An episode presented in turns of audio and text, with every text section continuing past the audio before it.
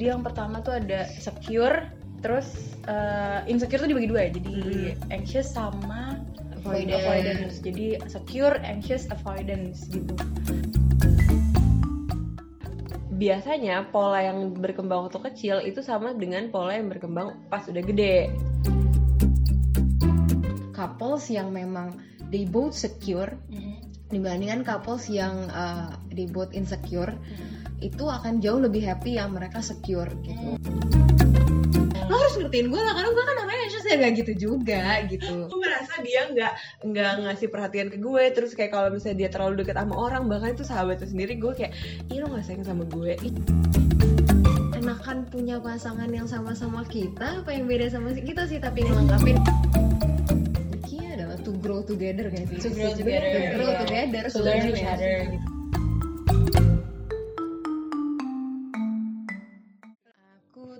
Takut kamu pergi, kamu hilang, kamu sakit. Aku ingin, oh aku ingin kau di sini, di sampingku selamanya. Ramai banget, Bo. Tapi terganggu dengan suara gue ya guys. kenapa kita nyanyi itu tuh? Kenapa kita menyanyikan? Itu, Sal? kenapa lu lagi ada apa sama lagu itu? Karena itu lagu Viera ya. Jadi buat eh, teman-teman yang nggak tahu itu lagu Viera judulnya tuh takut. Awalnya gue pertama kali denger lagu itu. Flat banget nih lagu aku takut aku takut. Tapi ternyata usut punya usut sedih juga nih lagu gitu kan. Kok relate? Enggak sih? Enggak sih enggak enggak sih. Jadi ternyata ketika kita lihat lebih dalam ternyata lagu ini tuh nunjukin gimana apa jadi Kekhawatiran. kekhawatiran seseorang yang takut kehilangan. kehilangan pasangannya ini pergi dari dia nggak cinta sama dia terus kayak ya banyak kekhawatiran kekhawatiran deh gitu nah itu tuh sebenarnya berkaitan sama apa yang kita bahas hari ini Nah, nih ini nih. oh gitu Tentang ternyata kekhawatiran-kekhawatiran uh, pasangan tidak mencintai kita gitu-gitu loh. Itu kayak sebenarnya tuh ketika kita tarik benang merahnya nih ada nih satu bahasan yang berkaitan gitu. Sama lagu ini. sama lagu ini sama hubungan-hubungan romantis pasangan dewasa muda lah. Hubungan romantis pasangan dewasa muda mungkin banyak uh, orang sedang ngerasain. Terus ternyata ketika kita lihat uh, ada satu benang merahnya ini nih yang bakal kita bahas hari ini Itu adalah adalah yang mana yaitu kalau di psikologinya namanya attachment yes. jadi attachment itu sebenarnya simpelnya gini sih Kita Pola- translate dulu ya. iya iya iya Attachment adalah kedekatan. kan? kelekatan Iya, ya kelekatan jadi pola pola pola kelekatan individu nah biasanya dulu awal perkembangannya itu sama caregiver waktu kecil. Hmm. jadi waktu dia bayi tuh dia eh, pertama kali mendapatkan kelekatan secara emosional dan secara fisikly itu kan dari caregiver ya. Caregiver itu biasanya orang tua neni kakek nenek siapa pun lah yang mengasuh dia, dia. gitu. Nah terus apakah uh, caregiver itu bisa memenuhi kebutuhan dia untuk uh, memenuhi kebutuhan fisikal dan emosionalnya dia itu uh, yang membu yang membentuk apakah individu ini punya pola attachment yang baik yang secure atau yang insecure Aduh, apa tuh? Ada Gitu. apa tuh? Ada apa tuh? Insecure dan insecure itu jenis-jenisnya ya, Kak ya? Eh, polanya polanya sebenarnya pola, pola pola pola baik. dari attachment itu yang Mhm. secure dan insecure Mm-mm. kalau yang secure itu dia berarti merasa aman dia merasa Hmm. tercukupi dia merasa caregivernya bisa memberikan em, apa namanya kebutuhan dia bisa memenuhi kebutuhan dia dengan baik gitu Hmm. nah sedangkan insecure itu kebalikan dari insecure tidak secure Iya, iya sih. Tinggal disampaikan tiga. Harusnya baik.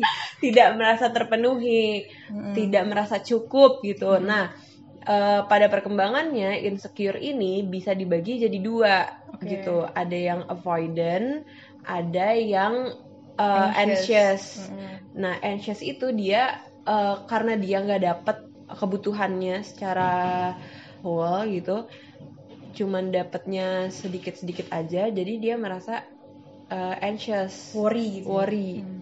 nah kalau yang avoidant itu dia karena dia nggak dapat uh, sangat kekurangan jadinya Hmm. dia nggak pernah berharap untuk mendapatkan uh, kebutu itu untuk bisa dipenuhi kebutuhan itu akhirnya dia jadi avoid Hmm. sama caregivernya Hmm. Nah, jadi pola interaksi. Jadi itu nanti itu akan membentuk pola interaksi antara individu sama uh, orang terdekatnya dia. Nah, waktu kecil orang terdekat individu itu kan biasanya caregiver. Iya, Jadi polanya itu terbentuk gitu-gitu ya. ya polanya itu terbentuk sama caregivernya. Hmm. Nah, kalau dikaitin sama adult romantic atau hubungan romantis pas Mm-mm. udah gede, itu dia biasanya pola yang berkembang waktu kecil itu sama dengan pola yang berkembang pas udah gede. Oke. Jadi kalau misalnya waktu kecil dia um, Kedekatannya sama orang kedekatan tua. sama caregivernya Uh-uh. itu gak bagus, bisa dia mengembangkannya avoidant. Nah terus nanti pas udah gede dia akan punya pola seperti itu lagi kepada orang yang dia expect memenuhi kebutuhan dia gitu. Hmm. Oke. Berarti sebenarnya eh, attachment ini pola kelekatan ya, tapi konteksnya tadi mungkin yang di definisi awal ngebahas dari mulai pola kelekatan di infant Di atau di infant, bayi mm-mm. gitu. Sedangkan kalau eh, di- dikaitin nih seba- eh, apa kelekatan di seusia kita gitu, dewasa muda, ya kelekatannya adalah kelekatan dengan significant others, misalnya Mm-mm. boyfriend, Girlfriend, girlfriend. atau HTS. Oh, ada ya HTS sekarang Eh, tapi gue masih bingung. Tadi ada tiga jenis ya berarti ya. Dari yang lo jelasin ada. Hmm. Jadi yang pertama tuh ada secure, terus eh, insecure tuh dibagi dua ya. Jadi Hmm. anxious sama Avoidance. avoidance. Jadi secure, anxious, avoidance gitu. Nah tapi gue masih bingung nih. Sebenarnya dari tiga eh, jenis eh pola ya, pola attachment itu bedanya Hmm. apa sih? Aspek yang berbeda tuh apa gitu di antara ketiganya? Sebenarnya bedanya lah gue yang jelasin. Iya. gue sih, Assalamualaikum. Soalnya tadi Dira yang jelasin. Seka- sekarang gue yang jelasin. Jadi sebenarnya nih kalau dari yang gue baca nih ya, gue nggak tahu juga tapi berusaha kredibel nih. Gue tuh uh, ada nih satu buku yang emang gue lagi coba baca juga. Itu judulnya Attached. Jadi emang dia Hmm. membahas uh, tentang adult attachment tapi not in a very scientific way. Karena lebih practical book gitu sih. Kayak uh, how is your partner lele? Gitu. Jadi- dan gue baca di situ ternyata kalau pola attachment itu sebenarnya differ in beberapa hal. Yang pertama itu sebenarnya uh, bagaimana mereka melihat intimacy dan uh, closeness gitu Mm-mm. Uh, terus yang kedua bagaimana mereka deal dengan konflik Mm-mm. Terus yang ketiga, kemampuan mereka untuk mengkomunikasikan uh, keinginannya atau kebutuhannya mereka sama bagaimana ekspektasi mereka terhadap partner dan relationshipnya kayak gitu. Jadi ada empat hal. Intimacy itu kayak gimana sih? Intimacy itu kayak kedekatan. Kayak sebenarnya tadi Dira udah sempat cerita sih kalau misalnya orang-orang yang secure ya udah dia merasa intimacy as intimacy as itself, gitu. Kayak emang beneran uh, deket. Maksudnya dia melihat kedekatan ya memang kedekatan. Tapi kalau misalnya anxious dia tuh butuh lebih banyak dibanding apa yang orang secure tuh butuhin. Kayak makanya dia lebih kayak butuh uh, ya gitu reassurance tentang kedekatannya dengan pasangannya harus yang ketemu terus uh, Intens gitu. intens kayak gitu-gitu loh karena ketika itu berkurang dia ngerasa dia nggak disayang kayak gitu Hmm. sedangkan kalau misalnya secure ya ya dia tahu bahwa orang partnernya dia tuh despite uh, menghabiskan waktu bersama atau tidak ataupun apa pun itu intim atau tidak dia memang uh, her atau his partner tuh will love me back gitu loh no matter Oh, what gitu. Kalau secure. Hmm. sedangkan kalau anxious ya dia tuh ngerasa ya gitu butuh closeness butuh reassuring segala macem. Nah kalau avoidant itu malah kebalikannya. Dia malah ketik ngerasa ketika dia nggak intim atau nggak close eh maksudnya ketika punya boundaries ya. iya malah merasa eh, independennya dia itu intimasinya dia gitu. Karena mungkin dia sebenarnya nggak terlalu Hmm, jadi kayak dia pengennya sebenarnya agak berjarak ya. iya agak, agak berjarak berjarak sama pasangan gitu. Karena dia Hmm. ngerasa ya mungkin apa ya space dia buat privacy jauh lebih luas daripada Hmm. dua pola lainnya ya nggak sih Mm-mm. terus kalau uh, the way deal with conflict perbedaannya gimana tuh misalnya gue nangkapnya gini sih eh, kalau misalnya insecure mungkin dia eh, deal with konfliknya oke dia hadepin. Kalau misalnya yang bener. Oke eh, gue hadapin oke ini konflik dan oke gue hadapin Iya, gitu. eh kita selesaikan gitu. Nah, kalau misalnya yang apa namanya anxious itu dia menghadapi tapi bolak lagi, bolak balik, bolak balik kayak dia konfliknya tuh nggak selesai karena dia merasa eh, mungkin dia menyalahkan dirinya sendiri. Dia kayak, aduh nanti kalau ini gimana, kalau ini gimana, kalau ini gimana, itu overthink apa segala macam. Terus kalau misalnya eh, yang avoidant itu justru kayak gue nggak mau ah, gue nggak mau, gue menghindari konflik gitu. Jadi dia lebih ke kayak kabur Oke, kalau lo pribadi nih, lo pada nih ya, pernah gak sih ngedefine attachment masing-masing? lo tuh apa sih? Lo Kalau gue ini gue baru aware ketika gue udah keluar dari hubungan gue yang lama sih. Maksudnya ketika gue masih ini adult attachment ya, bukan yang infant attachment.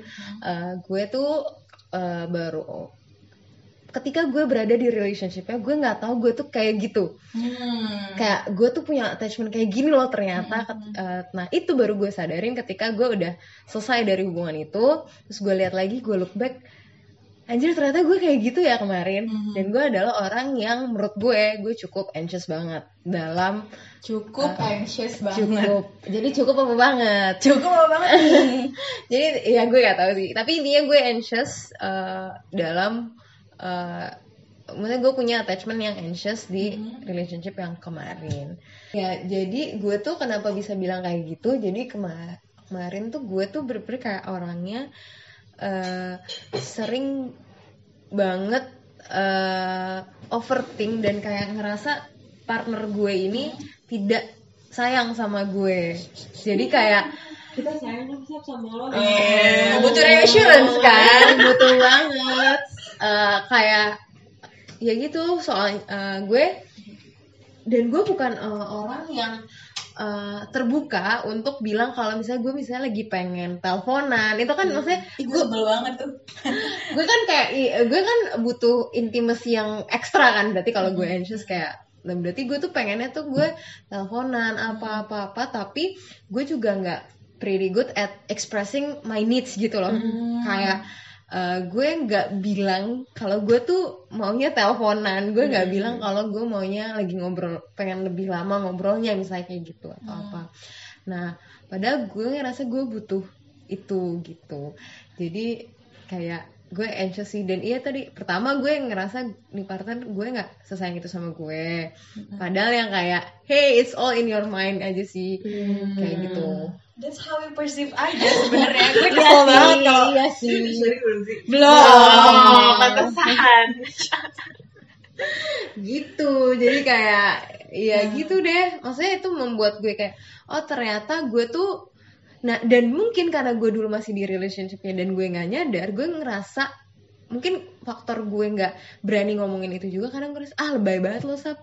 Masa kayak eh, baru berapa hari ketemu eh, eh maksudnya kayak baru kemarin ketemu terus lo minta eh, ketemu lagi atau misalnya lo minta, baru kemarin ngobrol teleponan terus lo besoknya pengen minta ketemu kayak gitu loh. Jadi kayak gue eh, berpikir kayak Assuming lo ya. "Ah, jadi gue kayak ah apaan banget sih? Padahal mungkin it's my need. Gue memang butuh reassurance. Gue memang merasa eh, eh, ya relationship itu work out ketika dia reassuring gue gitu. Tapi gue nggak bisa express juga. Jadi kayak bego banget gue kemarin. Serba salah ya. Itu tuh yang ya udah oke lanjut dulu. Lo kan sama kan lo sebenarnya? Iya kan? gue sebenarnya anxious Anxious juga kan. tapi gue dari kecil enggak karena waktu kecil gue enggak gue secure. Soalnya gue soalnya gue kalau ditinggal nyokap gue gue nangis. Tapi tapi eh, gue nyariin nih gue nyariin. Tapi gue waktu nyokap gue balik ya gue seneng gitu. Jadi maksudnya gue eh, apa namanya nggak nggak yang kayak clingy atau kayak avoidant gitu. Nah cuman pas udah gede ketika gue eh, mengembangkan intimacy sama partner romantis gitu. Nah gue jadi clingy parah, gue jadi eh, cemburuan parah. Itu gue ada kasus di tahun 2015 2014 itu gue lama banget ya kasus lagi iya. Itu udah lumayan loh sap. Itu gue beneran cemburuan banget parah kayak semua orang yang deket kayak se si se pokoknya asal gue mem Aduh. Gue dikira Karena gue merasa dia nggak nggak ngasih perhatian ke gue. Terus kayak kalau misalnya dia terlalu deket sama orang bahkan itu sahabatnya sendiri gue kayak ih lo nggak sayang sama gue? Ih lo ada apa sih sama dia? Kayak gitu. Jadi gue ternyata gue mengembangkan atta- pola attachment anxious ketika sudah besar gitu.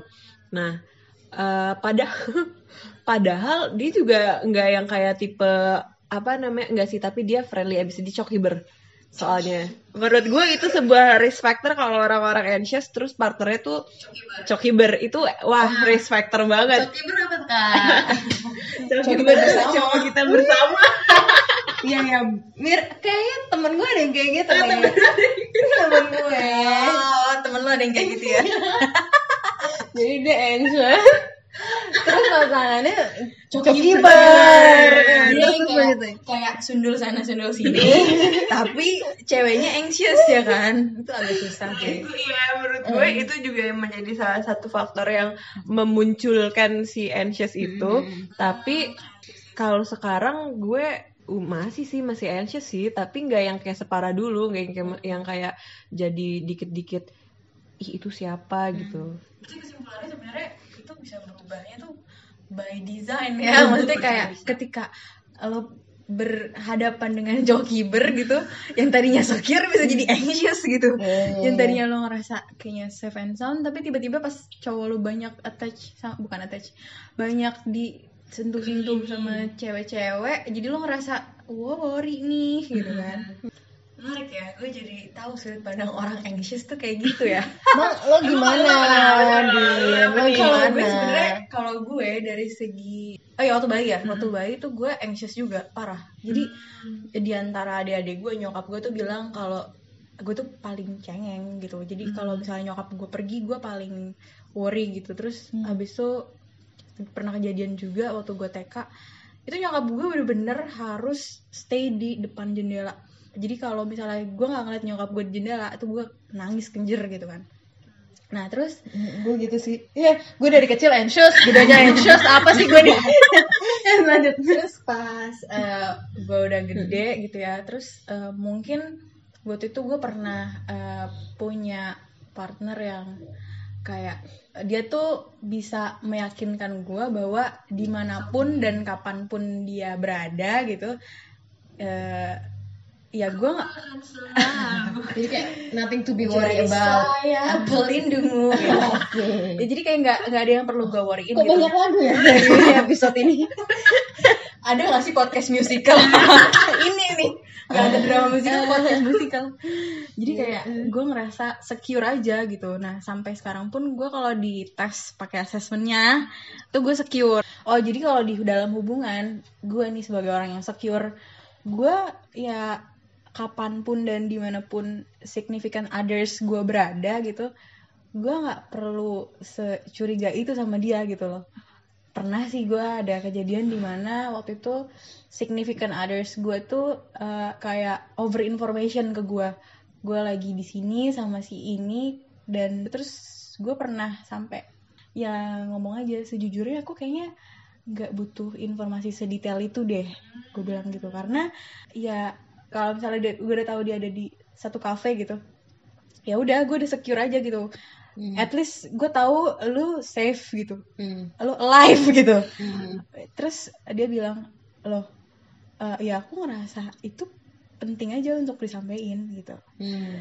dan masa aku harus nyeleksi sih informasi mana yang harus aku sampaikan dan yang mana yang enggak gitu kan terus kayak di situ gue gue tahu attachment style gue secure dan gue tahu attachment dia eh, anxious. Tapi gue nggak gue nggak aware gitu. Ngerti nggak sih? We know but we didn't aware gitu. Perbedaan itu tuh matters aja sih ketika di hubungan. Ya selanjutnya dari dari kejadian itu oke berarti yang harus gue lakukan melakukan hal yang sama ya seperti itu gitu. Jadi karena lo beda gitu jadi ada part yang tadinya mungkin lo bisa automatically melakukan itu ke pasangan lo tapi ada part yang ternyata hmm ternyata ketika lo melakukan itu secara otomatis dia ngerasa justru kurang gitu. Maksudnya kayak perlu dipelajari dulu gitu. Kayak misalnya gue sampai kafe kan gue nggak perlu ngabarin apa segala macem gitu kan tadinya. Secara otomatis gue melakukan hal itu tapi ternyata menurut dia ya lo nggak ngasih kabar ke gue gitu gitu nah itu tuh ya jadi butuh belajar aja sih gitu. Ternyata banyak ya yang bisa maksudnya eh, hal-hal yang diberantemin yang kayak eh, nggak pengertian terus misalnya nggak perhatian itu ternyata dasarnya dari attachment ya? Bisa bisa banget parah. Kayak yang oh yang lo ceritain itu sap yang tentang apa? Mesin cuci. Oh iya dari iya buku iya. Lo. iya jadi jadi ada Marsha and the Bear nggak deh jadi ada cewek namanya Marsha eh, di bukunya ya. Di bukunya tuh si cewek ini namanya Marsha sama pasangannya Craig kalau nggak salah. Jadi mereka simply udah tinggal bareng gitu-gitu. Terus suatu hari nih si Marsh eh, si cowoknya ini si Craig ini dia mau eh, initiating untuk beli mesin cuci.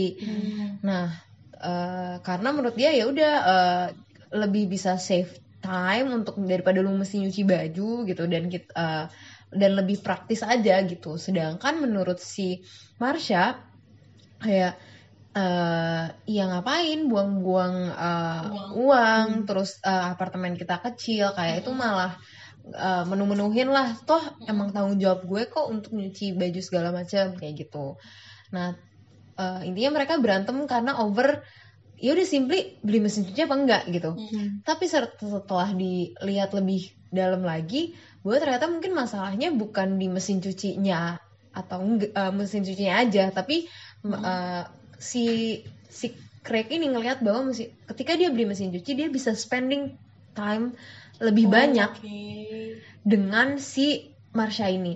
Sedangkan Marsha ini merasa ya udah eh, ketika gue ada momen untuk melakukan sesuatu sendiri tanpa dengan Adanya si pasangan. Eh, eh, tanpa ada pasangan yang di sini adalah nyuci baju gitu.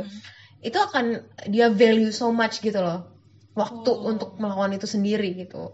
Nah, ternyata kan eh, ya mungkin si si Marshanya punya yang avoidant attachment pola attachment yang avoidant kemudian si Craignya ini si cowoknya anxious gitu maunya yang spending time bareng-bareng terus kayak gitu-gitu. Sedangkan si ya ini partnernya lebih yang kayak pengennya independen gitu.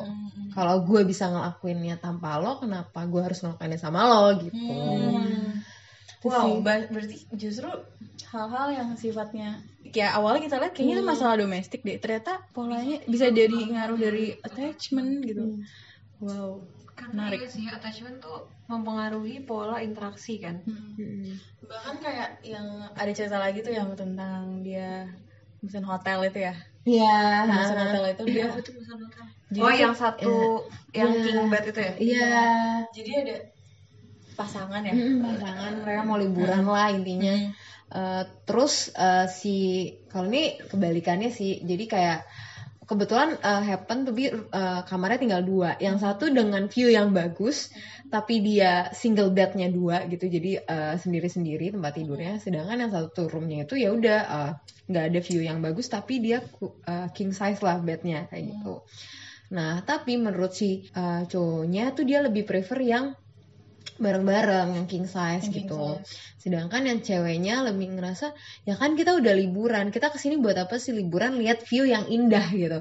Ya udah kita pesen kamar yang dengan view yang indah terserah mau single bed atau enggak gitu.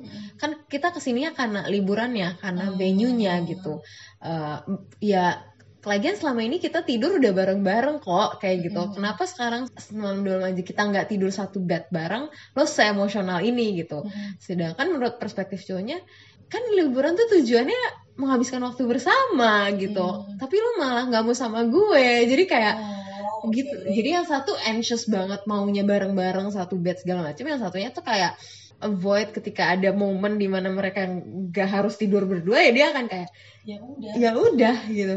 Nah, tapi berarti apa ya? Menurut lo, menurut kalian, menurut kita, ya, kira-kira tuh pasangan yang ideal tuh dengan, maksudnya kan kita nggak perlu, eh nggak perlu bukan nggak perlu, nggak bisa jamin bahwa pasangan kita tuh ya harus sama atau bahkan harus berbeda gitu tipikal attachmentnya. Menurut lo yang yang ideal itu yang seperti apa sih? Kalau menurut teorinya sih sebenarnya yang ideal tuh yang secure ya, karena kalau yang secure itu dia Oh enggak enggak maksudnya individunya, individunya yang secure.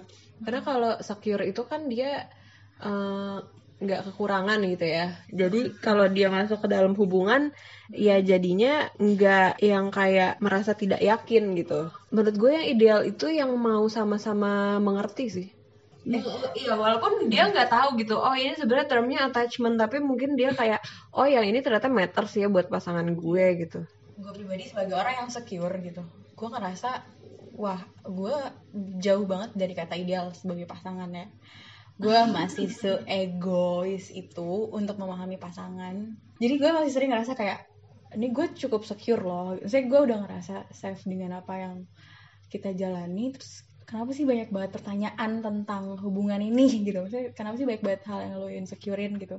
Nah supposedly kan gue ya menyadari itu hal itu. Cuma sometimes gue tuh ada loh di kondisi atau situasi yang tidak ideal di mana gue mengutamakan egoisme gue untuk membuat keputusan gitu. Dan akhirnya si secure itu tuh jadi nggak relevan lagi untuk dikatakan ideal gitu. Ketika si secure ini sih egois gitu. Gue sih gitu ya. Uh, tapi dari yang buku yang gue baca itu sebenarnya uh, kayak menurut penelitiannya itu ya dia bilang dia pernah doing research ternyata couples yang memang they both secure. Dibandingkan couples yang uh, they both insecure itu akan jauh lebih happy yang mereka secure gitu. Maksudnya secara levels of satisfaction segala macam trust happy itu pasti lebih happy yang secure gitu. Tapi ternyata lebih lanjut lagi uniknya nih ketika dia uh, mix uh, attachment maksudnya misalnya yang satu secure yang satu insecure nih di dalam satu pasangan itu nggak ada bedanya uh, tingkat happy-nya dibandingkan sama pasangan yang emang dulunya secure. Jadi sebenarnya poin yang bisa gue point out adalah ya sebenarnya secure itu juga uh, even cuma satu orang yang secure dalam hubungan itu itu juga bisa dikatakan lebih happy. Karena ada bisa menjadi buffering effect sih dari yang insecure ini gitu. Dari bisa menjadi buffer bagi partnernya yang insecure gitu. Bisa memahami partnernya. Itu sih yang penting mungkin secure di sini ya balik lagi kayak eh, harusnya berempati dengan Yes. partnernya yang insecure ini kayak gitu. Dan bisa membawa sebenarnya kalau lebih idealnya lagi membawa partnernya ini yang tadi insecure jadi lebih secure bersama dia Yes. gitu. Dan itu butuh proses sih. Karena kan relationship kan the key adalah to grow together kan sih To grow Sebenarnya together, to grow iya. together to learn each other. Gitu. Yang penting sebenarnya kalau kata guru gue ya, ya apa pun eh, perbedaannya ya yang penting sebuah hubungan tuh dibangun dari keinginan untuk belajar sih. Gitu. Maksudnya manusia tuh dinamis banget kan. Maksudnya kita ngomongin ini faktor utama dari relationship yang akan satisfying, ternyata yang pernah gue rasakan gitu misalnya si secure ini tuh justru bisa jadi disruptif buat hubungannya gitu. Karena dia seegois itu gitu. Tapi yang mungkin bisa menyelamatkan adalah keinginan si secure ini untuk belajar gitu. Dia ingin gak sih untuk belajar gitu? Kalau misalnya dia ingin untuk belajar ya hubungannya akan lebih baik gitu. Dan itu semua butuh proses gitu. Gue boleh sharing kayak gue tuh gue tuh ngerasa kayak sebenarnya kan gue tuh udah anxious gue I didn't communicate it well gitu loh. Dan itu super disruptif banget. dan mungkin gue ngerasa itu terbuild dari uh, society gue yang ngerasa kalau apaan sih lo sap? Uh, posesif banget. Uh, apaan sih lo kok cemburuan banget? Yang akhirnya gue jadi kayak oh itu tuh nggak normal ya. gitu. Nah ketika gue nggak normal gue tahan tahan tahan. Karena ini nggak normal ini perasaan gue aja. Apa sih? Tapi kalau sih uh, itu malah disruptif gitu. Itu malah lebih baik ketika lo komunikasiin lo punya needs A B C D E gitu. Setuju, setuju. karena ya kan? dan kayak itu sih padahal ketika lo communicate it well sebenarnya anxious itu anxious even you have anxious attachment is maksudnya itu nggak terlalu disruptif banget gitu. Setidaknya partner lo paham lo. Maksudnya lo tuh butuhnya gini gini gini gini gitu. Ya uh, next levelnya ya dia berusaha memenuhi itu apa enggak gitu. Tapi setidaknya lo udah bikin the first step kalau lo state kalau Ha-ha. anxious gitu. Dan butuhnya tuh digini giniin gitu. Dan lo nggak bisa waktu itu. Gue nggak bisa. Sama kan kalau kayak bayi. Kalau dia nggak nangis kan orang tuanya nggak tahu kalau dia butuh. Kalau udah gede kita nggak nangis juga kita nggak bakal eh, orang orang nggak bakal tahu kalau kita butuh dia gitu ya maksudnya nggak harus nangis sih. Iya, maksudnya kita maksudnya ngomong kita gitu. ngomong. Kalau gede kan udah nggak nangis. Gue sangat bertolak belakang sama lo gitu. Karena gue orangnya tipikal yang sangat ngomong sih sangat oke. Oke again disclaimer lagi kalau ternyata yang eh, menjadi faktor itu banyak gitu loh. Maksudnya Hmm. nggak cuma dari nggak cuma dari gimana attachment style kita. Iya lah karena kalau udah gede kan interaksinya dari mana-mana. Hmm. tapi willingness to learn juga. Komitmen juga sih pada gue. Komitmen juga. Terus habis itu personality juga ya kan? Terus sebenarnya gue ada yang unik lagi sih di buku yang gue baca tuh ternyata yang salah satu yang paling trap dari semua attachment attachment ini adalah ketika anxious ketemu yang avoidant. Iya iya sih. Iya. Yang satu combo Combo. Kalau itu kayak combo dua, kayak KFC dapat CD-nya dua sama puding biasanya. KFC kan. Sorry kita nggak disponsor KFC. Eh, Tapi kalau mau boleh. Siapa tahu nyampe sambil podcastan enak tuh. itu combo bener-bener yang kayak si anxiousnya ini butuh untuk deket gitu. Tapi kalau misalnya si avoidant ini deket itu annoying sesuatu yang kayak apaan sih gitu kan. Jadi kayak dia menghindari lah yang de- ngedek- deket-deket gitu. Nah tapi gue baca juga kelanjutan dari bukunya itu sebenarnya lo bisa de- keluar dari anxious avoidant trap ini sebenarnya dengan pertama ya sebenarnya lo aware dulu sih. Oke. lo aware misalnya gue nih anxious dan pasangan gue misalnya avoidant atau kebalikannya. Jadi sama-sama aware kira-kira attachmentnya tuh seperti apa. Hmm. Kedua sebenarnya sesederhana communicated well aja sih. Jadi Jadi lo kayak- berharap pasangan lo tuh bisa menjadi cenayang, bisa menebak apa yang lo rasakan. betul. Jadi diomongin dong. Eh, ketika Tapi harus both sides sih menurut iya memang makanya gue bilang kayak awarenya dulu lo kayak gini pasangan lo kayak gini dia juga aware dia tuh kayak gimana dan kita tuh gimana. Hmm. terus diomongin dengan gue yang seperti ini gue tuh butuhnya ini ini ini Hmm. gue yang seperti ini butuhnya ini, ini gitu ketika lo communicate your own needs dengan pasangan lo even perbedaan kebutuhan itu saling berlawanan banget kan Heeh. tapi kayak setidaknya you work toward one goal gitu loh untuk Oh. uh, bareng-bareng oke karena karena lo butuhnya intimacy nih Hmm. setidaknya gue ya udah gue mencoba berusaha untuk belajar untuk misalnya ngabarin lo Iya. misalnya sesederhana saying saying I love you every day misalnya gitu itu kan kayak karena dia butuh reassurance kan even menurut dia tuh kayak apaan banget tapi dia berusaha nah tapi di satu sisi partnernya yang ceweknya misalnya gitu ceweknya yang anxious gitu kan dia berusaha memahami pasangannya juga bahwa oh dia si part cowoknya ini butuh waktu untuk sendiri juga gitu Hmm. Jadi kayak oh ya udah berarti eh, jangan lo yang terlalu demanding harus apa-apa bareng ketemu tiap hari kayak gitu-gitu loh jadi kayak dihargai jadi kayak sama-sama Dicari tengahnya. dicari tengahnya dan Musyawarah. bener. Jadi ya itu sih sebenarnya mungkin balik lagi semua relationship akar dasarnya itu gak sih kayak Hmm. dikomunikasikan Dan dan ditahan egonya dini. eh, empatinya dimainin gitu Dimainin. tahu ya jangan partner gue butuhnya kayak gini ya kayak Hmm. gue harus mari kita pelajari gitu kan Biasanya attachment tuh dikaitinnya sama relationship satisfaction. Mm-mm. ya kan cuma again dari segala obrolan kita yang tadi gitu ya relationship satisfaction tuh nggak selalu diukur dengan kesamaan Mm-mm. attachment karena sebenarnya attachment itu juga bisa berubah seiring berjalannya waktu gitu kan betul betul asalkan ada keinginan untuk merubah komunikasi Mm-mm. dan yang paling penting sih awalnya aware dulu ya Aware aware, dulu. bahwa kita different Mm-mm. beda ya selanjutnya mari dimusyawarahkan menuju mufakat. Gitu. Dulu tuh gue sering uh, berpikir sih kayak I keep questioning enakan punya pasangan yang sama-sama kita apa yang beda sama kita sih tapi ngelengkapin. Iya. orang kan bilang gitu ya kayak enaknya jangan sama-sama banget nih gitu kan. Tapi sama tapi ternyata gue mikirnya awal ya hip- uh, hi- hipotesis awal gue adalah enaknya yang sama lah. Hmm. karena uh, ya udah uh, lu kebayang dia kayak gimana karena dia tuh kayak lu gitu ya. Tep- uh, tapi ternyata Hmm. eh, itu juga nggak menjamin kehappyan gitu loh yes karena menurut gue balik lagi kuncinya empati even lo sama Hmm. maksudnya kepribadian lo sama sama Hmm. pasangan lo tapi lo juga nggak empati dia tuh kayak gitu Mm-mm. itu juga nggak akan berhasil sih relationshipnya Yes. menurut gue jadi kayak Mm-mm. bahkan beda pun juga bisa happy asal lo empati dan memahami pasangan lo betul Pokoknya itu idealnya.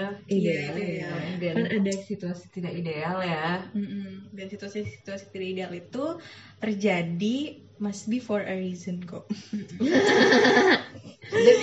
Not to self, not to self. not to self not to myself dan mungkin situasi tidak ideal pada bisa terjadi maksudnya satu partner yang sama bisa ideal bisa tidak ideal gitu loh. Jadi kayak nggak semua kejadian selalu ideal Yes. selalu gitu kan. Jadi eh, faedahnya adalah faedahnya adalah? Viera anxious karena dia aku takut kamu pergi kamu hilang kamu jauh. Dia anxious guys. So me. Jadi itu kesimpulan dari segala dari kesimpulan. podcast kita. Nggak mungkinnya sih. Mungkin kayak ya pencipta lagunya Ya, sih. Mungkin, ya pencipta lagu bisa aja juga dari pengalaman temennya kan kita nggak tahu. Jadi kita kan Siap eh, bisa pengalaman temen oh ini oh, just nih aku takut kamu pergi kamu maksudnya dari situ kita bisa mengambil kesimpulan ada orang-orang yang anxious gitu seperti saya. Oke. Itu lagi tuh, Bu. itu saja sepertinya. Eh, oke tadi kan berarti yang si lagunya Viera itu judulnya takut. Takut itu itu menggambarkan apa tadi? Anxious. Anxious. Sekarang gue mau nyanyi lagunya Viera yang menggambarkan secure attachment Yang mana tuh? ku kan setia menjagamu bersama Ini kayak orang secure dirimu. yang lagi- yang lagi. Kan orang anxious